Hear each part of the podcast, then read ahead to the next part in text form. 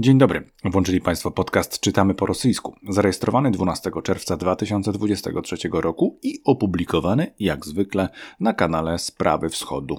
Dziś z Magdaleną Paciorek rozmawiamy między innymi o potężnych wpływach Rosatomu w Europie i hagiograficznych tekstach na temat patriotycznego, z-patriotycznego, trzeba powiedzieć, piosenkarza Szamana.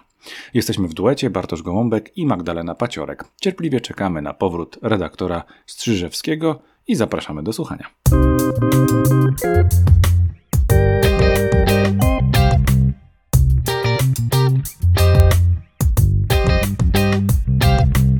Dzień dobry Państwu i witam Cię bardzo serdecznie, e, Magdo. Dobry wieczór.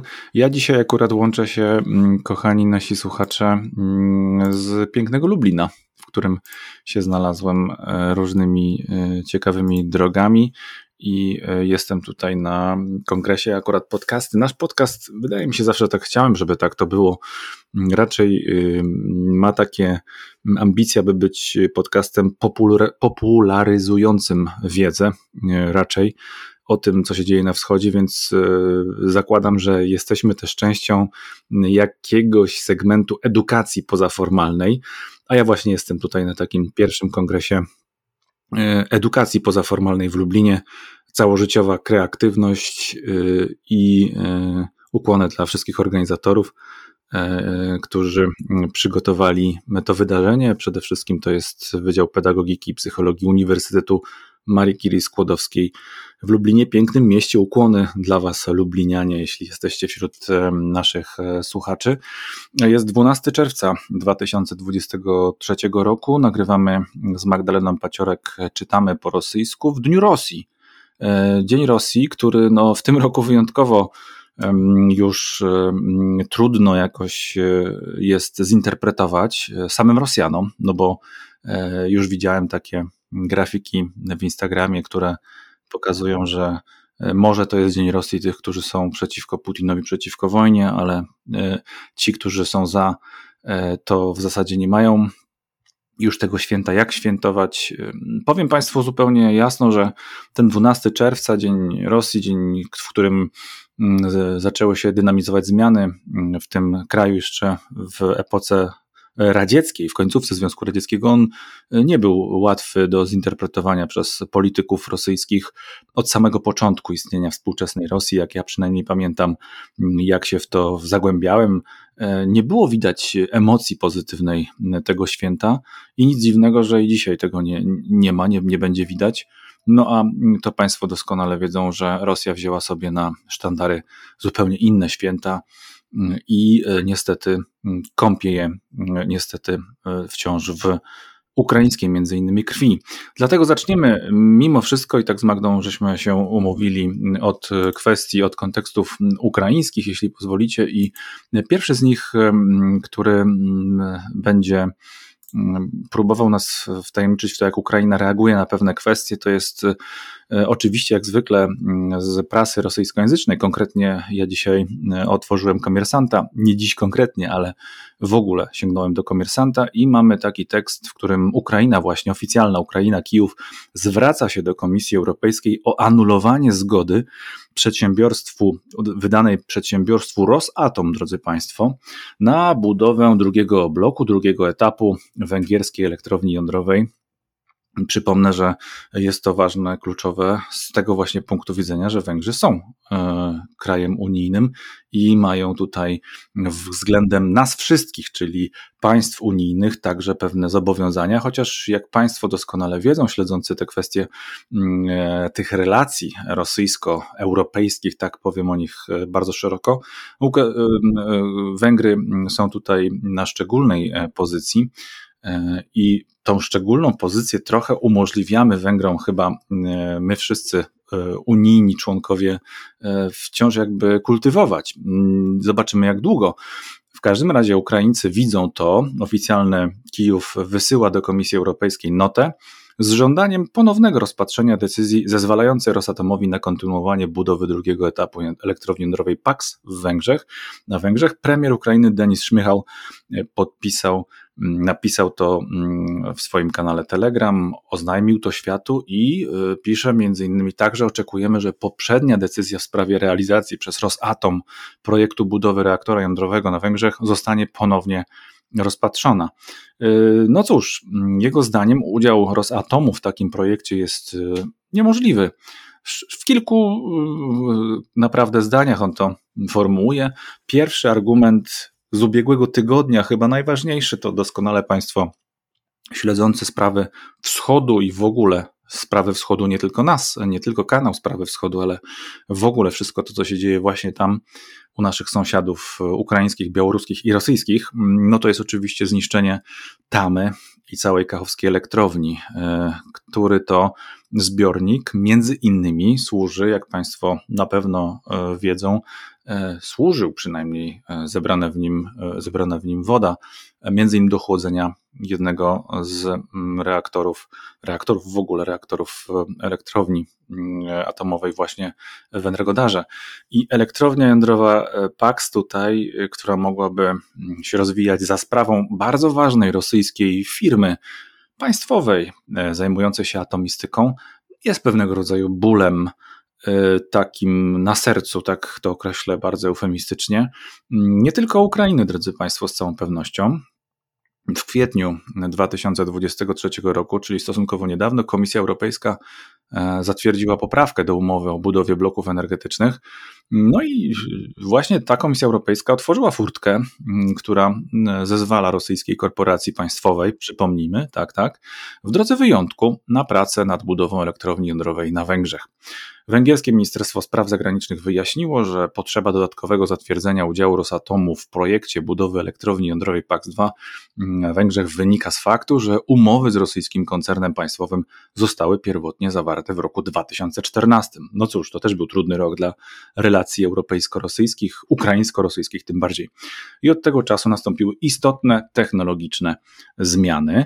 E, no i rzeczywiście, być może to byłby y, duży problem, ale ja myślę, że jest kilka większych problemów, o czym pisze także polska prasa, e, jeśli chodzi o te relacje z Rosatomem przede wszystkim, bo to jest taka trochę firma w tle pracująca e, na potrzeby państwa rosyjskiego w obliczu tego, że gazowe kwestie i e, kwestie naftowe zostały mm, tak mocno wyeksponowane w zeszłym roku i tak silnie, intensywnie lobbowano i promowano odcinanie się od rosyjskich dostaw tych surowców e, do świata, przede wszystkim do europejskiego świata, no troszkę gdzieś umyka ta energetyka jądrowa, a trzeba powiedzieć, że tutaj mm, mamy także ważne rzeczy e, do e, ujawnienia, to może za dużo powiedziane, bo ujawniają to dziennikarze na co dzień, ujawniają to organizacje pozarządowe na, co dzień, drodzy Państwo, mm, że też sięgnę do tekstu pani redaktor Iwony Trusewicz w Rzeczpospolitej, mm, e, czy też do tekstu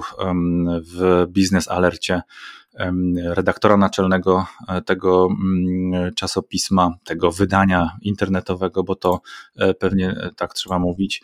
To są świeże, relatywnie świeże mm, nasze tutaj polskie doniesienia w tych sprawach. No a szerzej, żeby popatrzeć na to, no to trzeba mm, niestety powiedzieć sobie jasno, że to nie tylko Węgry są tutaj problemem, mówiąc bardzo krótko. Mm, I mm, mimo wojny, y, mimo tego, tej tragedii, która cały czas się odbywa na naszych oczach, no po prostu mamy szereg różnych inicjatyw, nazwijmy to tak biznesowo-energetycznych w Europie właśnie, które w sposób jawny próbują nie widzieć albo zamykają oczy na to, co się dzieje, e, jeśli chodzi o rosyjskie zaangażowanie w wojnę. E, takiego specjalnego, takiej specjalnej analizy już w zeszłym roku, e, drodzy słuchacze, dokonała organizacja Greenpeace. Greenpeace dokładnie jej, agenda, jej oddział, agencja, tak to chciałem powiedzieć, więc y, oddział francuski e, i mogą spokojnie Państwo dotrzeć do takiego e, raportu z maja 2022 roku, e, który omawia, jak rosyjskie firmy lobbowały mm, w Unii Europejskiej mm, w różnych kwestiach, w tym także w takim specjalnym taksonomicznym mm, przepisie prawnym, który Unia Europejska, Parlament Europejski między innymi także przy nim pracował, e, wydał. I y, no, mamy tutaj poważną listę Rosatomu, wpływu Rosatomu, tej rosyjskiej spółki państwowej, na różnego rodzaju europejskie inicjatywy. Powiem bardzo krótko mm, o krajach, to przede wszystkim Francja, firmy EDF, e, Framatom, Orano, Alstom, Asystem, Finlandia także, Fennovoima, Fortum, Węgry, już o tym mówiliśmy, MVM Group, Niemcy, Nukem Technologies, to jest firma, która jest własnością Rosatomu właściwie, Niemcy także Urenco, Szwecja, Vattenfall, i Czechy, Czes to są te, które udało się ujawnić, które udało się wyeksponować. No i Francja, drodzy Państwo, rzeczywiście jest największym zwolennikiem współpracy z rosyjską energetyką jądrową. Wiele jej elektrowni jądrowych działa na rosyjskim paliwie jądrowym, to jasne. Najgłośniej wypowiadają się jednak Węgrzy, którzy w tej kwestii sankcji Rosatomu odwołują się do bezpieczeństwa narodowego. Akurat u nich to bezpieczeństwo narodowe ma takie znaki. No, obawy o bezpieczeństwie dostaw wykazuje także Bułgaria. E, to były informacje, które nawet docierały do polskiej agencji prasowej. E, no można by tutaj jeszcze cytować oczywiście mm, to, co przygotował Greenpeace w swoim raporcie, ale jak zwykle, drodzy Państwo, link do materiałów, o których my tutaj mówimy, e, jest w opisie do odcinka. No taki temat, Magda. Ukraina, ale tak naprawdę z Rosją w tle, z Rosatomem w tle, no i z europejskimi naszymi partnerami z jednej rodziny, która mm, no, ma wyraźne kłopoty, od, nie od dziś oczywiście, nie od wczoraj, z tym, jak interpretować wszystko to, co dzieje się na wschodzie. Tak, i tutaj może nas delikatnie zdziwić sytuacja, że na Węgrzech mamy wpływy rosyjskie, a tutaj tak jakby dzisiejszy mój materiał przygotowany mm, na podstawie artykułu z Meduzy mówi nam o tym, ile jeszcze wpływów y, pozostało na terenie Ukrainy. I przy okazji artykułu Meduzy wspomnę, mm, opowiem Państwu o tym, e, jak w Ukrainie przebiega rozległa konfiskata własności oligarchów, tych związanych z Rosją, ale nie zawsze. I od, od lutego 2022 roku władze Ukrainy zaczęły aresztować majątki przedstawicieli rosyjskiego biznesu i prorosyjskich oligarchów. Czyli tu jest taka sytuacja, że po aneksji Krymu i wojnie w Donbasie biznesmeni z Rosji i ich ukraińscy partnerzy wciąż posiadali znaczną część państwowego bogactwa. I nie dziwi nas rozpoczęcie konfiskaty przez ukraińskich urzędników i sądy. Sytuacja wymaga podejmowania mocnych kroków, zwłaszcza, że czasy są ciężkie dla gospodarki państwa. Niemniej jednak przy okazji takie działania wywołują nieco obaw, żeby rzeczywistym celem zajęcia majątków nie okazała się chęć wzbogacenia się ludzi blisko związanych z obecną ukraińską władzą. I e, takim jednym z organów pomagającym w tym jest powołana w 2016 roku specjalna państwowa agencja zajmująca się poszukiwaniem i przejęciem majątków. Ona nazywa się Agentstwo Parozysku i Management Aktywów, tak zwana ARMA. Jest ona odpowiedzialna za rozporządzanie przejętymi aktywami i przekazywaniem ich tymczasowym zarządcom lub sprzedawaniem ich na aukcjach. Dodatkowo w zeszłym roku zostało opracowane specjalne procedury konfiskaty aktywów na podstawie decyzji o objęciu sankcjami, która jest podejmowana jeszcze przez jeden organ, Sowiet Nacjonalnej Bezpieczeństwa Obrony, SNBO i jest y, ta procedura oczywiście zatwierdzana przez prezydenta. I poszukiwaniem ukraińskich aktywów u podmiotów, y, które zostały objęte sankcjami, zajmują, zajmuje się Ministerstwo Sprawiedliwości przy współpracy z Wyższym Antykorupcyjnym Sądem, do którego zwraca się z żądaniem o przejęcie majątku. Ten mechanizm został zastosowany wobec następujących rosyjskich oligarchów, innymi wobec Alega Dierepaski, męża córki Jelcyna i właściciela firmy Rusal, mm, wielkiego przyjaciela Putina.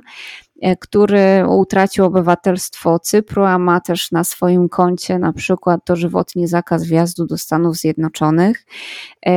Sankcje te objęły również Arkadia Ratzenberga, który, jak dowiadujemy się w krótkich informacjach, że dzieli swoją pasję z, do judo z Władimirem Putinem. Tam również padają nazwiska prorosyjskiego kolaboranta Władimira Saldo. Jest to głowa okupacyjnej administracji hersońskiej oblasti. E, są nią objęci również deputaci mm, Dumy e, Federacji Rosyjskiej z Krymu, a także były prezydent Wiktor Janukowicz, który jest osądzony za głos i zmienu, czyli zdradę narodową.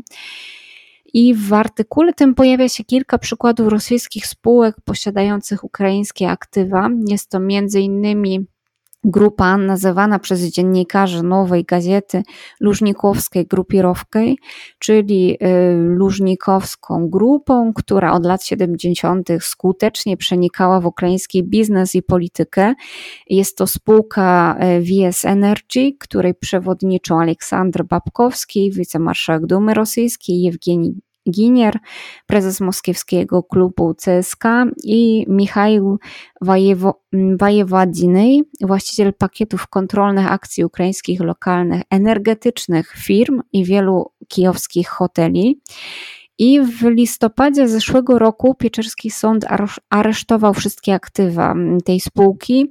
Do, dodatkowo beneficjenci zostali objęci e, sankcjami SNBO i są podejrzani o utworzenie grupy przestępczej. Nie przeszkadza im to jednak aktywnie sądzić się z ukraińską stroną, dochodzić swoich praw i używać forteli, na przykład e, zdobywając specjalne jakieś wejściówki do Ministerstwa Obrony Ukrainy.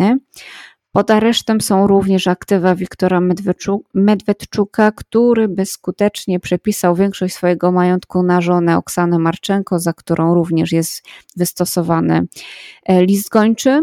Łącznie są to 62 nieruchomości o wartości około 140 milionów euro. Oczywiście wieści o konfiskacie majątku spotykają się z pozytywnym odzewem ukraińskiego społeczeństwa, ale musimy pamiętać, że koncentracja w rękach państwa znacznej liczby aktywów wywołuje dyskusję o tym, na ile efektywnie i transparentnie są one wykorzystywane. Zwłaszcza, że wspomniana wcześniej arma była parokrotnie pod ostrzałem krytyki ze strony mediów, a jeszcze do wojny przeciwko pracownikom agencji były czasem wszczynane postępowania, na przykład dotyczące zawłaszczenia dowodów rzeczowych. I dodatkowo zachodnich ekspertów ze sfery finansów niepokoją przesłanki o nacjonalizacji ukraińskiego oddziału Alfa Banku, jednego obecnie banku z rosyjskimi jakimiś powiązaniami. I do wojny to był jeden z top 10 banków w Ukrainie, z którego usług korzystał nawet sam szef gabinetu prezydenta Andrii Jermakow. Po wybuchu wojny wielu Ukraińców zaczęło wyprowadzać pieniądze z tego. Tak, tak, tak. E, zaczęło wyprowadzać pieniądze z tego banku, zamykane były konta, a służby bezpieczeństwa aresztowały znajdujące się na rachunkach tego banku papiery wartościowe należące do cypryjskich firm związanych z akcjonariuszem banku Michałem Friedmanem, podejrzanym notabene o wywóz środków z Ukrainy. Pozostali akcjonariusze Alfy zostali uznani za prorosyjskich i Narodowy Bank Ukrainy odsunął ich od zarządów w związku z tym, że utracili nieskazitelność biznesowej reputacji. Tymczasowo szefem banku został wyznaczony bułgarski ekonomista Simon Diankow i bank, aby nie kojarzył się z państwem agresorem, został przemianowany na Sens Bank. E, został poddany również rebrandingowi i nawet w pierwszym kwartale tego roku zaczął przynosić zyski. Władze Ukrainy wciąż są niepewne co do polityki wobec byłego Alfa Banku ze względu na wspomnianą tutaj postać Friedmana, który chociaż jako jedyny od początku wojny opowiadał się mm, przeciwko wojnie, próbował nawet dogadać się z przedstawicielami ukraińskiego rządu, chciał, żeby w zamian za mm, dokapitalizowanie banku na milion dolarów, e, przepraszam, nie milion, tylko miliard dolarów, Władze Ukrainy obiecały nie nacjonalizować banku. Dodatkowo prosił również o zdjęcie z niego sankcji Wielkiej Brytanii, no ale koniec końców nie udało, dojść się do, do, nie udało się dojść do porozumienia. Na jaw wyszło również, że spółka, której współwłaściciel, Współwłaścicielem jest Friedman, zarabia miliony rubli na usługach ubezpieczeniowych, m.in. Rosgwardii i ściśle współpracuje z przedsiębiorstwem Wajentorg podlegającym Ministerstwu Obrony Federacji Rosyjskiej. To tylko utwierdziło władze ukraińskie o przedsięwzięciu kolejnych kroków. Została opracowana ustawa, która pozwala państwu na wyprowadzenie z rynku nawet stabilnie działających przedsiębiorstw, jeśli ich beneficjenci znajdują się pod sankcjami europejskimi lub ukraińskimi. I teraz ta ustawa czeka na podpis Załęckiego, który zdecyduje o losie tego banku, jak i innych przedsiębiorstw zarządzanych przez objętych sankcjami. I przyjęcie tej ustawy oznaczałoby, że władze ukraińskie dostają szeroki zakres działań względem dowolnego biznesu ze sfery bankowości, co krytykuje również ukraińska opozycja oraz finansowi eksperci, zarówno ukraińscy, jak i europejscy. Mm, udział państwa w bankowym sektorze sięgnął poziomu 60%, co w rzeczywistości powoduje, że konkurencja jest zepchnięta na margines. Nie możemy mówić o funkcjonowaniu rynku finansowych usług opartego na konkurencyjności. I autor tego artykułu zwraca również uwagę na to, że dla postsowieckich państw mocne powiązanie biznesu i polityki jest takim czynnikiem, który nie upraszcza tej sytuacji. W momencie, kiedy państwo wprowadza sankcje z przyczyn bezpieczeństwa, ofiary tych sankcji, mówiąc w cudzysłowie, zgłaszają polityczne prześladowania i naruszanie ich nietykalności, własno, nietykalności własności. Taką sytua taka sytuacja miała miejsce na przykład wokół Smart Holdingu, jednej z większych przemysłowo-inwestycyjnych przedsiębiorstw Ukrainy, które do 2013 roku było pod kontrolą oligarcha Wadzima Nowinskowa. Sam oligarcha podpadł władz za, za finansowanie ukraińskiej prawosławnej cerkwi, czyli tego odłamu kolaborującego z Rosją. I po utworzeniu omawianej już przez nas kiedyś autokefalii prawosławnej cerkwi Ukrainy, Nowiński ostro krytykował władze ukraińskie za ingerowanie w sprawy cerkiewne. Po tym mm, ukraińskie władze nałożyły na niego sankcje, e, sam e, oligarcha zgłaszał naciski ze strony ukraińskich służb bezpieczeństwa, czyli no, kreował taką, taką mm, postać e, ofiary. I tutaj jeszcze warto wspomnieć o tym, że ukraińskie służby bezpieczeństwa nałożyły areszt na 18 milionów metrów sześciennych gazu należących do Smart Holdingu i spółka próbowała przekazać ten gaz stronom trzecim, a sam Nowiński przerejestrował spółki na stowarzyszone podmioty bezpośrednio związane z Federacją Rosyjską. I Oczywiście tutaj zarząd tej spółki dementował takie informacje, ale fakty są niestety przeciwko nim. I na koniec jeszcze mm, takie małe podsumowanie, że tak jak w przypadku z Alfa Bankiem, tak i tutaj powodem mocnej presji wywieranej na podmiotach gospodarczych było silne powiązanie interesów z Rosją. I myślę, że słusznym krokiem w przypadku Ukrainy jest chociażby odsunięcie od decyzyjności oligarchów i ważnych biznesmenów mm, powiązanych z Kremlem i gospodarką Rosji, ale też nie wiadomo, jak długo uda się utrzymać z dala rosyjskich inwestorów i biznesmenów. Przy tym istnieje też zagrożenie, że takie stworzenie dla władzy ukraińskiej mocnego i poniekąd nieograniczonego instrumentu do przejmowania własności może przyczynić się do tego, że Ukraina nie będzie atrakcyjna dla zagranicznych inwestorów, a wewnątrz gospodarki Ukrainy może to spowodować zwiększenie ryzyka korupcji. To zaś mm, niezaprzeczalnie może być taką główną przeszkodą do wstąpienia e, Ukrainy e, do wspólnoty Unii Europejskiej.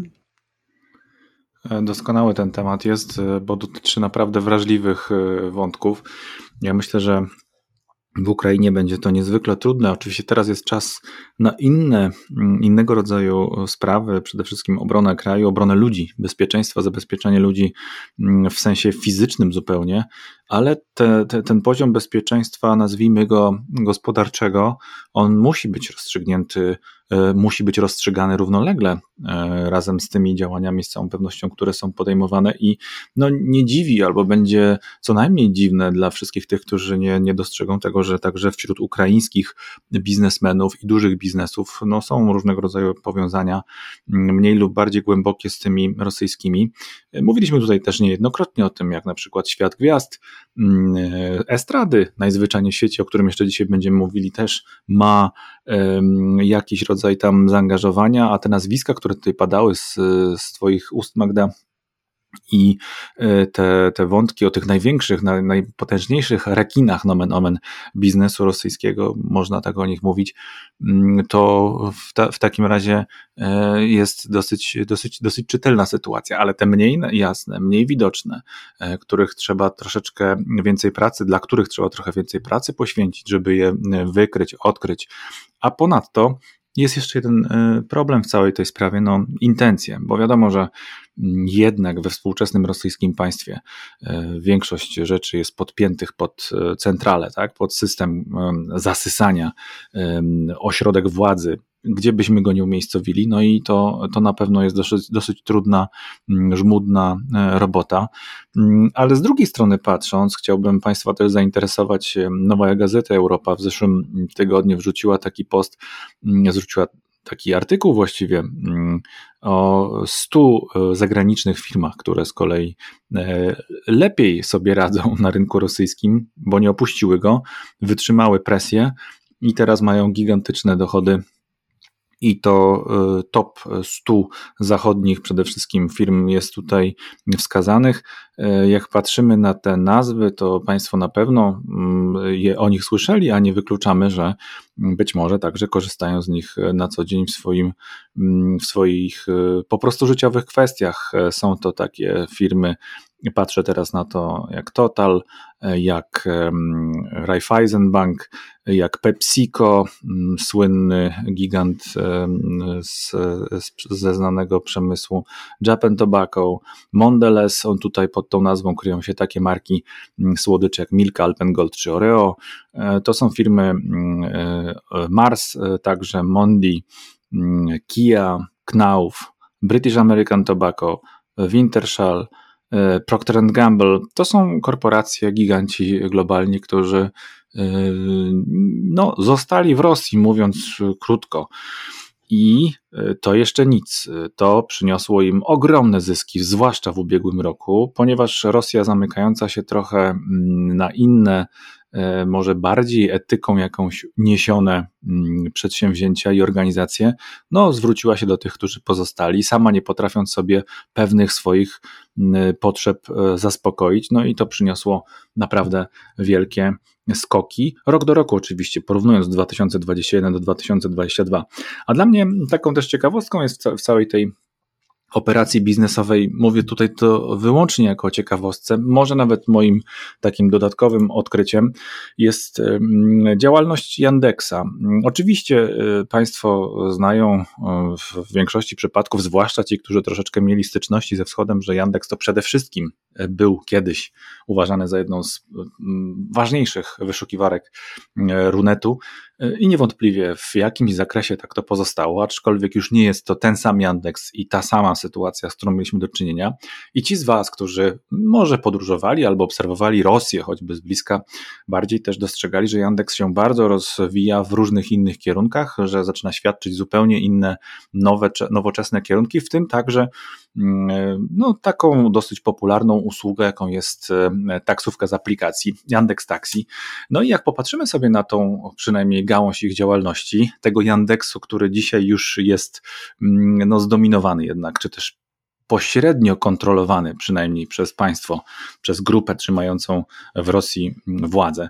Mm, więc e, e, ta, ta, ta ich ekspansja wciąż jest imponująca bo mówię o samej usłudze taksówkowej, to jest oczywiście, nawet jak Państwo otworzą sobie Wikipedię, to to odkryjecie, to jest Białoruś, Armenia, oczywiście Kazachstan, Gruzja, Mołdawia, uwaga, także tak, oczywiście, mm, Kirgistan, e, Łotwa, drodzy Państwo, tak, też tam coś takiego mm, się wydarzyło, z tym, że w zeszłym roku, w marcu, rzeczywiście tutaj mm, miało, miało być zastopowane, przynajmniej oficjalna e, forma obecności Yandex Taxi w tym kraju europejskim.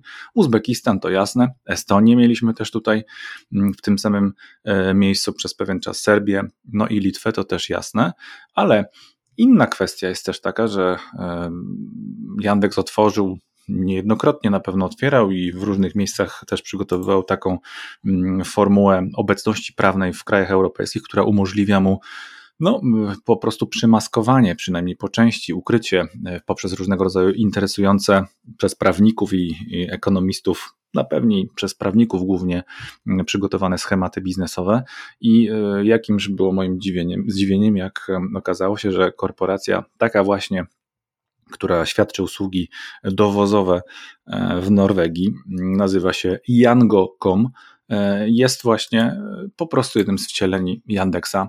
E, więc, drodzy Państwo, jest dużo pracy przed e, tymi wszystkimi, którzy mm, e, próbują tropić Rosję w biznesach światowych.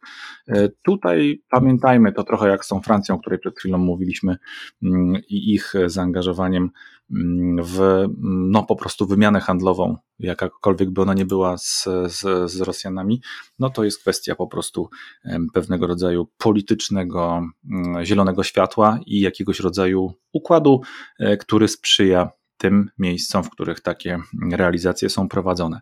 E, I tak to, tak to by, wyglądało. E, Magda pięknie nam opowiedziała ten wątek ukraiński. Myślę, że to doskonale brzmiało również dlatego, że Magda ma nowy mikrofon, o czym już ostatnio mówiliśmy i wiesz, słuchacze tam machają do ciebie teraz, bo wiem, wiem to na pewno komentarze były takie, a ja przy tej okazji dziękuję naszym słuchaczom za, za wsparcia, mniejsze i większe.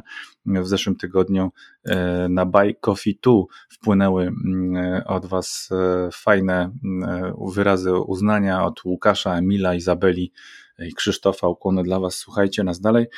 Jesteśmy jak co tydzień e, do Waszej dyspozycji, drodzy Państwo, na kanale Sprawy Wschodu. I przechodząc do kolejnego bloku Chciałbym Państwa uwagę ja zwrócić ponownie na Kamiersanta. Mm, jakoś zaczytałem się w tym tygodniu w tej, mm, w tej prasie e, i natrafiłem na taki e, e, tekst, który nas przenosi trochę, w, wydawałoby się, w sferę relaksu z kulturą. Rozkręca się, drodzy Państwo, nie tylko mm, u nas wiosenno-letni sezon koncertowy, zwłaszcza taki openerowy, i mm, komersant e, przynosi taką informację, że mm, w Rosji coraz więcej obywateli jest zainteresowanych koncertami typu, czy też gatunku tribute to, hołdów dla innych artystów. Mm, to aktywne, te aktywne wzrosty zainteresowania koncertami tego typu mm, są widoczne po prostu w liczbach. Mm, według agregatorów sprzedających e, bilety na różnego rodzaju wydarzenia, e, takie właśnie napięcie związane z zainteresowaniem e, tego typu ofertą kulturalną wzrosło o 155% od stycznia do maja, a liczba wydarzeń zaś tego typu, jeszcze raz, tribute to, czyli hołd dla E, wzrosła o 95%. Dlaczego? To jest pytanie, które ja sobie zadałem, jak zacząłem czytać ten tekst. Takie koncerty po prostu, mm, no, można byłoby takim prostym e, pójść szlakiem w tej sprawie interpretacyjnym, że takie koncerty pozwalają usłyszeć na żywo hity artystów, których się e, zna i lubi i ceni. No, weźmy Tribute to Modern Talking na przykład, prawda? Tylko, uwaga, drodzy Państwo, okazuje się, że tutaj sprawa, specyfika rosyjska jak zwykle wyprzedza e, trochę naszą świadomość, nasze zrozumienie.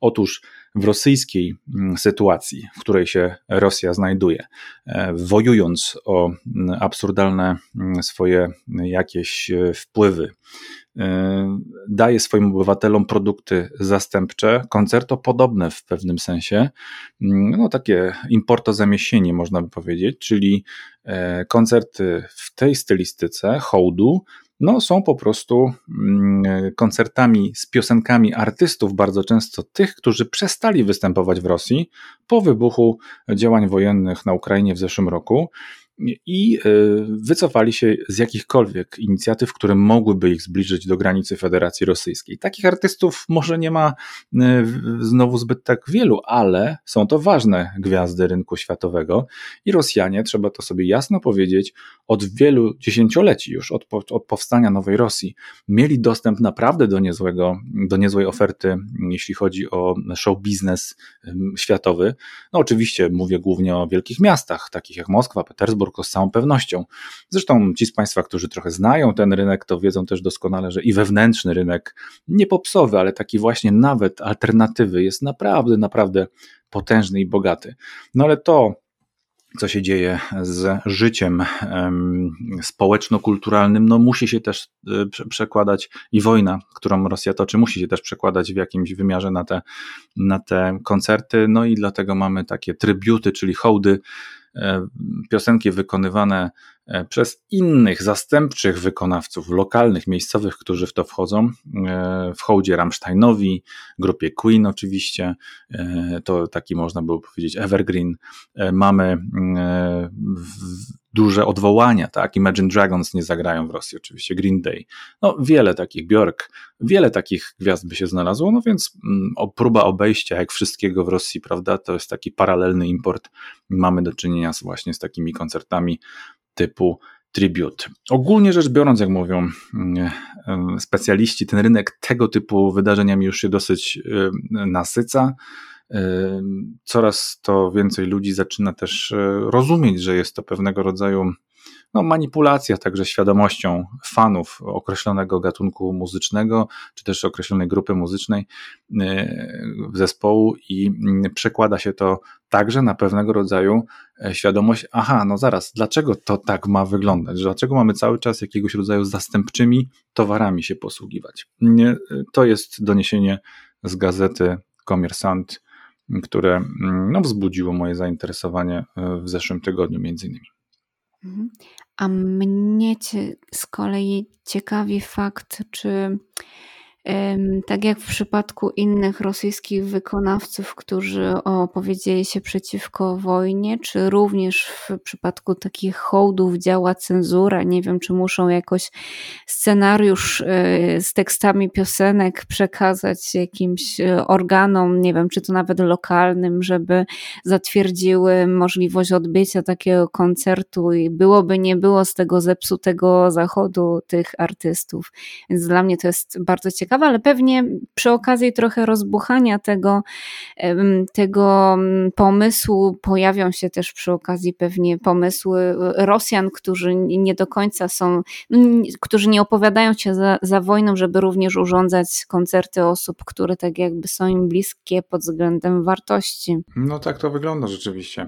E, Madzia, ty masz e, jeszcze jeden tekst ciekawy, który nas e, poprowadzi również po obrzeżach a może po nawet po mainstreamie mm, rozrywkowej sceny współczesnej w Rosji.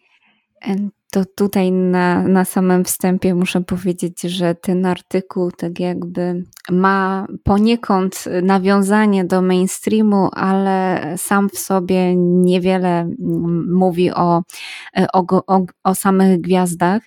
Pewna jarosławska gazeta postanowiła zrobić re, reportaż o rodzinnym mieście szamana. To miasto to Nowa Maskowsk, a szaman, przypomnę, to Jarosław Jurewicz Dronow, młoda gwiazda rosyjskiej estrady, która zasłynęła tym, że jak podała już kiedyś Meduza, воспользовался войной, чтобы перезапустить творческую карьеру и в итоге считанные месяцы стал главным patriotycznym artystą strony. Wykorzystał wojnę, żeby ponownie ruszyć z karierą artystyczną. W rezultacie w ciągu kilku miesięcy został głównym patriotycznym artystą w kraju. O artyście stało się głośno w lutym 2022 roku, kiedy to dzień przed wojną wydał patriotyczną piosenkę pod tytułem Wstanie, poświęconą rosyjskim żołnierzom, którzy zginęli w bojach. I tak przytoczę pierwszy wers tej piosenki, mówi o tym, że staniemy Y, póki jesteśmy żywi i prawda jest po naszej stronie, czyli po prostu piosenka idealnie mm, wpisująca się w propagandę rosyjską, ale ma ona aż 47 milionów wyświetleń na YouTubie. To pokazuje skalę rozbuchania mm, kariery na takim patriotycznym kleju. A sam wybrany przeze mnie reportaż to rzekłabym taki nawet antyreportaż. Nie jest to tekst wysokich lotów, ale pokazuje pewne ciekawe tendencje. W takich lokalnych pisemkach kultywowany jest lokalny patriotyzm, czyli takie sięganie po gwiazdy, które w jakikolwiek sposób był związany z danym miejscem. I ten reportaż jest takim sprawozdaniem z wycieczki, które można by było oddać nauczycielce od ruskiego, chociażby taki fragment. Ogólnie w centrum jest dosyć dużo typowych, ale starych stalinowskich domów. Starannie są chronione i restaurowane. Między innymi z tego powodu zachowuje się tutaj poczucie zastygniętego czasu takie alogiczno-poetyckie fragmenty aż uszy i oczy. E, I co one mają do naszego artysty? Ano to, że to taka darmowa reklama miasta. Trzeba przedrzeć się przez gęsto słany opis i sporą ilość przeciętnych zdjęć, żeby dowiedzieć się, że w drodze do domu artysty mieszkają sami patrioci, których flagi wywieszone są na budynkach, ale te flagi nieco wyblakły, za to na szkołach są już no, nowsze te flagi, niewyblakłe. W tym e, artykule pojawia się też nagły zwrot akcji, może taka demaskacja. E, autor tego reportażu złapał się na myśli, że wszystko to wygląda jak 10 lat temu, ale za to miasteczko jest zadbane. Uwaga reportera objęła również śmietnik i to, że mimo segregacji wszystko leci do jednego pojemnika. U zapytanych przechodniów wypłaty są małe, ale miasto dobre, boisk mało, ale miasto też dobre. I wokół byłego domu gwiazdy na blokowisku nie ma ławek, nie ma takiego grzybka nad piaskownicą, jakaś kobieta wiesza bieliznę, mężczyzna naprawia E, swoją budżetną inomarku, czyli swój budżetowy samochód zagranicznej produkcji. Przy okazji piękne słowo na przedmioty wyprodukowane za granicą, inomarka. Wracając do naszego artysty, okazuje się, że niewiele osób zna Dronowa, ale piosenkę jego już tak. Nie zna go też mer miasta, który jak się okazuje żyje w sąsiednim bloku, który jest lepiej zadbany niż ten, w którym mieszka rodzina dronowa. A co jest przyczynkiem do tego całego szczegółowego opisu blokowiska? A no fakt, że Dronow niedawno odwiedził swoje rodzinne strony i nagrał tam teledysk. I reporter opisuje szczegółowo klatkę schodową, przytacza sytuację, jak babcia artysty odmówiła wypowiadania się na temat wnuka, podobnie jak inni sąsiedzi. Jedna pani odważyła się porozmawiać i powiedziała, że to dobry człowiek i boi się o niego, bo wokół wielu zawistników. I też jedna ciekawa rzecz, jakiś inny mężczyzna na przechodzie miał nadzieję, że po nakręceniu teledysku coś się zmieni, ktoś sypnie groszem na jakiś remont i tak dalej. I taki reportaż pokazuje tę rosyjską glubinkę, to jak ludzie żyjący tam są dalej w pewien sposób naiwni i wierzą, że ci ze szklanego ekranu są dobrzy, niewinni i w razie potrzeby pomogą e, i zrobią to, co trzeba zrobić. Przy okazji trochę zastanawiam się, czy autor tego artykułu nie wziął sobie do serca, mówiąc slangowo, strolowania tej koncepcji artykułu. Porobił zdjęcia śmietnika, opisał każdy detal klatki schodowej podwórka, a na koniec stwierdził, że nikt nie chciał mówić o gwieździe i że ktoś tam nazwał gwiazdę przykładem jakościowego, komercyjnego patriotyzmu. Może tu sobie trochę dorabiam, ale dla mnie to jest taka piękna radziecka ukryła, ukryta szkoła pisania pod przykaz, w której oszukuje się trochę tą głupią cenzura, która nie potrafi wyłowić tego takiego najważniejszego. No bo byłoby nie było, jest artykuł o, o gwieździe, którym takie jakby zero emocji, zero autora w reportażu, prawie zero gwiazdy w artykule o, o gwieździe, ale niemniej jednak czułem się bardzo ukontentowana tą dziwną, przedziwną lekturą. To jest e, wszystko mm, tak już przez ciebie dobrze mm, opisane, że wydaje się, że nie należy tutaj specjalnie mm, tego obrazu już niczym zanieczyszczać. No, warto sobie uświadomić rzeczywiście, że to jest e, paradoks tej sytuacji, że ten Z patriota, mm, Z muzyk w zasadzie, bo o patriotyzmie tego człowieka to myślę, że nie powinniśmy sądzić, przynajmniej nie po jego twórczości. E, tak się akurat złożyło i też wiele materiałów już mm, e, o nim powstawało, że, że akurat dobrze się odnalazł w odpowiednim miejscu, w odpowiednim czasie ze swoją mm, twórczością. E, tak to określmy, i trafiło to na podatny grunt albo na podatnych e, lub też majętnych e, zakasików, tak, czyli tych, którzy to zlecenie tutaj mu zaczęli rozwijać i podrzucać. Bardzo ciekawe, że też takie hołd, hołdownicze, jakby można rzec, takie tribute to szaman w reportażu można byłoby rzec, pojawiły się tutaj e, tezy, które nam przedstawiłaś e, z Gazety Jarosławskiej.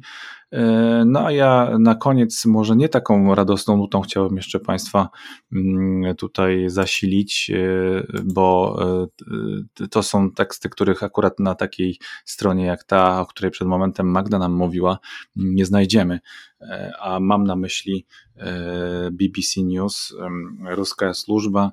9 czerwca ukazał się tam kilka dni temu e, kolejny raz tekst e, analityków i dziennikarzy tego wydania, którzy bardzo pieczołowicie, e, precyzyjnie i mrówczą swoją pracą próbują ustalić, ile faktycznie, jakie są to straty rosyjskiej armii i nie tylko armii E, podczas tej wojny, e, która jest prowadzona w Ukrainie.